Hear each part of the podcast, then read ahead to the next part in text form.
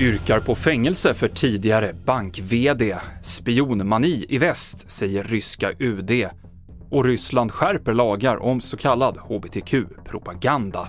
Det handlar om i TV4-nyheterna. Åklagaren yrkar på minst två års fängelse för den tidigare Swedbank-VDn Birgitte Bonnesen, som är anklagad för bland annat grovt svindleri. Enligt åtalet har hon spridit vilseledande uppgifter om Swedbanks åtgärder för att förhindra, upptäcka, förebygga och anmäla misstänkt penningtvätt i bankens estniska verksamhet. Själv så nekar Bonnesen till anklagelserna.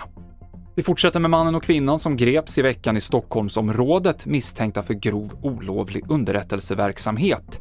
Senast klockan 12 imorgon så måste åklagaren begära dem häktade eller släppa dem på fri fot. Båda är födda i Ryssland och ryska UD beskriver idag gripandena och medierapporteringen i fallet som uttryck för antirysk hysteri och spionmani.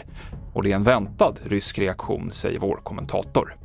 Och det här passar ju in i det narrativ som Ryssland har haft hela tiden, nämligen att det är Ryssland som är offret, det är väst som bedriver en kampanj mot Ryssland, det är väst som eh, rustar för krig och det är väst som då har spionmani. Så att det, det är fullt väntat. Berättade Elisabeth Frerot.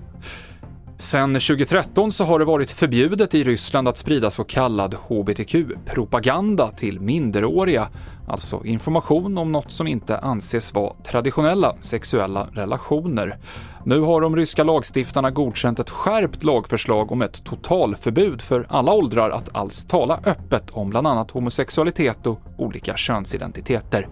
Det är främst USA som anklagas för att ligga bakom den så kallade hbtq-propagandan. Och vi avslutar med fotbolls-VM i Qatar där det har varit en målsnål dag än så länge. Det blev mållöst mellan Uruguay och Sydkorea och Schweiz besegrade Kamerun med 1-0. Nu klockan 17 så spelar Portugal mot Ghana. Det är en match vi sänder i TV4. I studion nu, Mikael Klintevall.